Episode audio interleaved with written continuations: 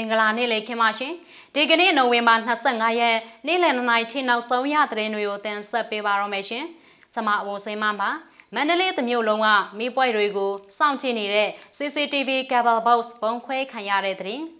တီမော့ဆိုမြို့နယ်မှာ KNDF နဲ့စစ်ကောင်စီတပ်အကြားထိတွေ့တိုက်ပွဲဖြစ်ပွားပြီးနှစ်ဖက်ကြဆုံမှုရှိတယ်ဆိုတဲ့သတင်းမူဆယ်မြို့နယ်မဟန်ရွာခန့်တအုပ်ကိုစစ်ကောင်စီတပ်ကပြစ်တက်တဲ့သတင်း အိန္ဒိယနိုင်ငံမှာပြုလုပ်တဲ့လူအခွင့်အရေးမှတ်တမ်းကောက်ယူခြင်းတင်နန်း CDM ဝန်ထမ်းတွေတက်ရောက်ပြည့်စည်တဲ့သတင်းအစရှိတဲ့သတင်းတွေကိုတင်ဆက်ပေးပါရမရှင်ပထမဆုံးတင်ဆက်ပေးခြင်းတဲ့သတင်းကတော့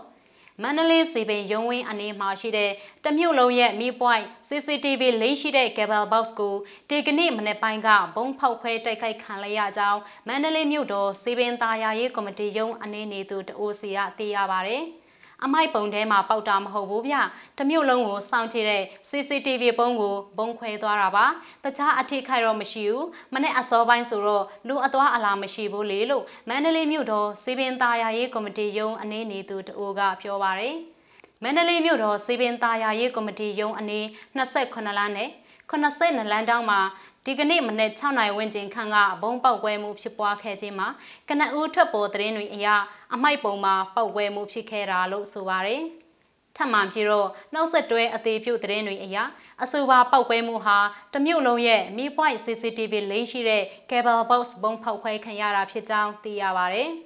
တမျိုးလုံးကမီးပွဲတွေမှာတတ်ထားတဲ့ CCTV တွေကိုစီပင်ရုံးထဲကနေထိန်းချုပ်ထားတာလေအဲ့ပုံကိုဘုံနဲ့ခွဲသွားတာပါလို့လေမန္တလေးစီပင်နဲ့နေဆက်သူတူကပြောပါတယ်ဖောက်ခွဲမှုနဲ့ပတ်သက်လို့ဘယ်အဖွဲ့အစည်းကပြုတ်လုကြောင်းမသိရသေးပါဘူးဒီမော့ဆိုမြို့နယ်ကတရင်နဲ့ဆက်ချင်ပါတယ် ကရားကရင်နေပြည်နယ်တိမော့ဆိုမြို့နယ်စံပြ6မိုင်ကျေးရွာအုပ်စုဟိုဖိတ်ကျေးရွာအနီးမှာစစ်ကြောင်းထိုးလာတဲ့စစ်ကောင်စီတပ်ဖွဲ့ဝင်တွေနဲ့ကရင်နေဒေသကာကွယ်တပ်ဖွဲ့ KNDF တို့အကြားဒီကနေ့နိုဝင်ဘာ25ရက်နေ့မနေ့9နိုင်ခန့်ကစပြီးတိုက်ပွဲဖြစ်ပွားခဲ့ပြီးတော့နှစ်ဖက်ထိခိုက်ကြဆုံးမှုရှိနေကြောင်း KNDF ပြောခွင့်ရသူစီကသိရပါဗျ။ အင်အားတရာဝန်းကျင်ပါတဲ့စစ်ကောင်စီတပ်နဲ့ KNDF တပ်ဖွဲ့ဝင်တွေအကြားဟိုဖိတ်ကျေးရွာအနီးဒီကနေ့မနေ့9နိုင်ကျော်ကနေ9နိုင်ခွဲထိနှစ်ဖက်ပစ်ခတ်မှုဖြစ်ပွားခဲ့ပြီးစစ်ကောင်စီဘက်ကလက်နက်ကြီးတွေနဲ့ပါပစ်ခတ်တိုက်ခိုက်ခဲ့တယ်လို့အဆိုပါ KNDF ပြောခွင့်ရသူကဆိုပါတယ် စံပြ6မိုင်ဆိုတဲ့ရွာနာလေးမှာပဲအမြဲတမ်းတိုက်ပွဲခဏခဏဖြစ်ပွားတဲ့နေရာလေးမှာပေါ့စစ်ကြောင်းထိုးလာတဲ့စစ်ကောင်စစ်တပ်နဲ့ KNDF ရဲဘော်တွေနဲ့တွေ့တော့ပြစ်ခတ်မှုဖြစ်သွားတာပါကျွန်တော်တို့ဖက်ကတော့၄ယောက်ကြတယ်စစ်ကောင်စီဖက်ကတော့ကြာဆုံးထိခိုက်မှုတွေကိုတော့ကျွန်တော်တို့အခုထိမသိရသေးဘူးလို့ KNDF ပြောရစ်ဆိုခွင့်ရှိသူကပြောပါတယ်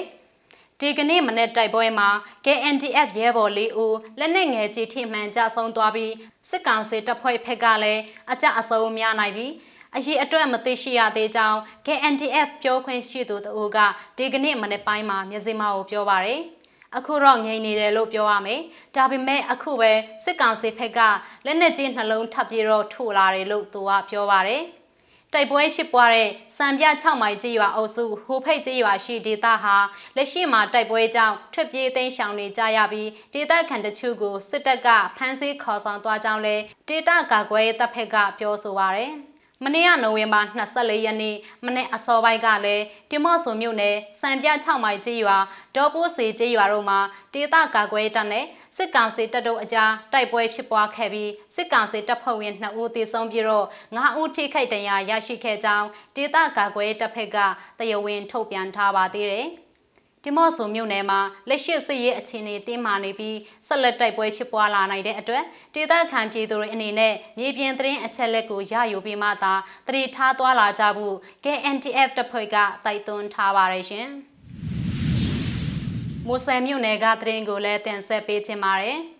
ရှမ်းပြည်နယ်မြောက်ပိုင်းမူဆယ်မြို့နယ်မက်ဟန်ရွာမှာစစ်ကောင်စီတပ်ကဒေသခံပျောက်ကြားအဖွဲ့တပ်စခန်းကိုဝင်စီးပြီးအနည်းအနာရှိတောင်ယာစိုက်ပျိုးနေသူရွာခံတအုပ်ကိုပြစ်တက်ခဲ့ကြောင်းဒေသခံတွေကပြောပါရယ်စစ်ကောင်စစ်တပ်ကနိုဝင်ဘာ22ရက်မနေ့9နိုင်ခွဲမှာမူဆယ် People Security and Defense Army PSDA စခန်းကိုဝင်ရောက်စီးနင်းပြီးနှစ်ဖက်ပြစ်ခိုင်မှုဖြစ်ပွားခဲ့တာဖြစ်ပါတယ်။ ပြစ်ခတ်မှုအပြင်စခန်းအနီးမှာရောက်ရှိနေတဲ့တောင်ယာစိုက်ပျိုးဖို့လာတဲ့မက်ဟန်ရွာခန်းအသက်56နှစ်အရွယ်ဦးလျဖာသိန်းကိုစစ်ကောင်စီကပြစ်တက်ခဲ့တာဖြစ်ပါတယ်အသက်မခံရသေးချိန်မှာတော့အိမ်နဲ့အဆက်အသွယ်ရသေးတယ်။နိုင်ဝဲအကြာမှာတော့အဆက်အသွယ်မရတော့ဘူး။နန်ရိုးအောက်မှာတနက်တန်ရဘဲဘက်မှာသုံးချက်ညာဘက်မှာသုံးချက်တွေ့တယ်။သူ့ကိုယ်လုံးမှာလည်းအရိုက်ခံရတဲ့ညုံမဲတရားတွေရှိတယ်လို့ဒေသခံတအိုကပြောပါရယ်။ အိုးလျဖာသိန်ကိုစစ်ကောင်စီကပြစ်တက်ပြီးမင်းမြုပ်အလောင်းဖြုတ်ခဲ့ပေမဲ့လည်းရွာခံတွေကရှာဖွေတွေ့ရှိခဲ့တယ်လို့သူကပြောပါရယ်။ဟိုဖက်ရှူထဲမှာတိုက်ပွဲဖြစ်တန်ကြတယ်စစ်သားတွေကအိတ်ကနေပြန်လာပြီးသူနဲ့တိုးတာသူကနားမကြတော့တိုက်ပွဲဖြစ်နေမှမသိပဲတာယာဆင်းသွားတာခုနှစ်နိုင်နောက်ဝိုက်ဖြစ်မယ်အသက်ခံရတာကအဲ့မတိုင်ခင်ကသူ့အိမ်နဲ့အဆက်အသွယ်ရသေးတယ် နေ့လည်ပြန်မလာလို့လိုက်သွားကြည့်တော့မှအသက်ခံရမှန်းသိတာလို့တေသက်ခံတအိုကပြောပါရယ်စစ်ကောင်စီကလက်နက်ကြီးတွေနဲ့ထိုးစစ်ဆင်ခဲ့ပြီးလက်နက်အင်အားမမျှလို့တပ်ဖွဲ့ဝင်အလုံးစခန်းကဆုတ်ခွာခဲ့ရကြောင်း PSDA အဖွဲ့ကလည်းထုတ်ပြန်ထားပါတယ်။ PSDA အဖွဲ့သားများအထိခိုက်မရှိဆုတ်ခွာနိုင်ခဲ့ပေမဲ့လည်းနှစ်ဖက်ပစ်ခတ်မှုဖြစ်ပွားရင်ဆုတ်ခွာနေစဉ်အဖွဲ့နဲ့မသက်ဆိုင်တဲ့အပြစ်မဲ့ရွာသားတဦးဟာစစ်ကောင်စီတပ်တွေနဲ့ထိတ်တိုက်တွေ့ပြီးနေရာမှာပဲအပြစ်ခံခဲ့ရတယ်လို့လည်းထုတ်ပြန်ချက်မှာဖော်ပြထားပါတယ်ရှင်။နောက်ဆုံးတင်ဆက်ပေးခြင်းတဲ့သတင်းကတော့ အမျိုးသားညီညွတ်ရေးအစိုးရလူအခွင့်ရေးဆိုင်ရာဝန်ကြီးဌာနကအိန္ဒိယနိုင်ငံမှာစီစဉ်ဖွင့်လှစ်တဲ့လူအခွင့်ရေးနဲ့မတန်းကောက်ယူခြင်းဆိုင်ရာတင်နန်းကိုအကြမ်းမဖက်အာဏာဖီဆိုင်ရေးလှုပ်ရှားမှု CDM ပြုလုပ်ထားတဲ့ဝန်ထမ်း32ဦးတက်ရောက်ပြေးစည်းခဲ့ကြောင်းတင်နန်းကြီးပြဖြစ်သူမဝဝကပြောပါရယ် အိန္ဒိယနိုင်ငံမီဇိုရမ်ပြည်နယ်အိုင်ဇောမြို့မှာနိုဝင်ဘာ22ရက်နေ့ကနေ24ရက်နေ့အထိပြုလုပ်ခဲ့တာဖြစ်ပြီးမီဇိုရမ်ပြည်နယ်ကိုရောက်ရှိနေတဲ့မြန်မာနိုင်ငံမှ CDM ဝန်ထမ်းတွေတက်ရောက်ခဲ့တာဖြစ်ပါတယ်။ပထမဆုံးကတော့လွတ်အခွင့်အရေးနဲ့ပတ်သက်ပြီးတည်သွားဖို့ပေါ့တည်သွားပြီးတဲ့နောက်မှာကိုဒေတာမှာလွတ်အခွင့်အရေးချူပေါင်းမှုဖြစ်နေတဲ့မြင်နေရတယ်ဆိုရင်မှတ်တမ်းပြုတ်ပေးဖို့ပြီးတော့တရားမျှတမှုရှာဖွေတဲ့နေရာမှာ ဖော်ဆောင်ဖို့ရည်ရွယ်ပါတယ်လို့တင်နာနေပြမဝဝကပြောပါတယ်။တင်နာမှာလက်တလောမြန်မာနိုင်ငံမှာဖြစ်ပွားနေတဲ့လွတ်အခွင့်အရေးချိုးဖောက်မှုတွေကိုဆွေးနွေးခဲ့ကြတယ်လို့ဆိုပါတယ်။စစ်အာဏာရှင်လက်အောက်မှရုံထွက်ပြီး CDM လုပ်ခဲ့တဲ့ဝန်ထမ်းတွေအနေနဲ့လွတ်အခွင့်အရေးစံတန်ဖိုးတွေကိုနားလည်သဘောပေါက်ပြီးတော့လွတ်အခွင့်အရေးချူဖောက်မှုမတန်းပြုစုတာတွေပါဝင်လာနိုင်မယ်လို့မျှော်လင့်ကြောင်းတင်နာနေပြကပြောပါရယ်။ လွတ်အခွင့်ရေးဆိုင်ရာတင်နာနဲ့ဆွေးနွေးပွဲတွေထပ်မံပြုလုပ်သွားဖို့လည်းအစီအစဉ်ရှိကြောင်းနေပြမဝဝကပြောပါရယ်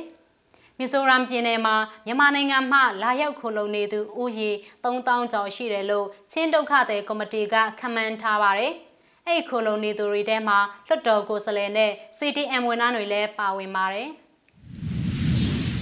ညစီမရဲ့နိုဝင်ဘာ25ရက်နေ့နေ့လယ်2နာရီထိနောက်ဆုံးရရှိထားတဲ့သတင်းတွေကိုတင်ဆက်ပေးခဲ့တာပါမြန်မာပြည်သူတွေကိုစိတ်နှဖျားကြမှာချမ်းသာကြပါစေရှင်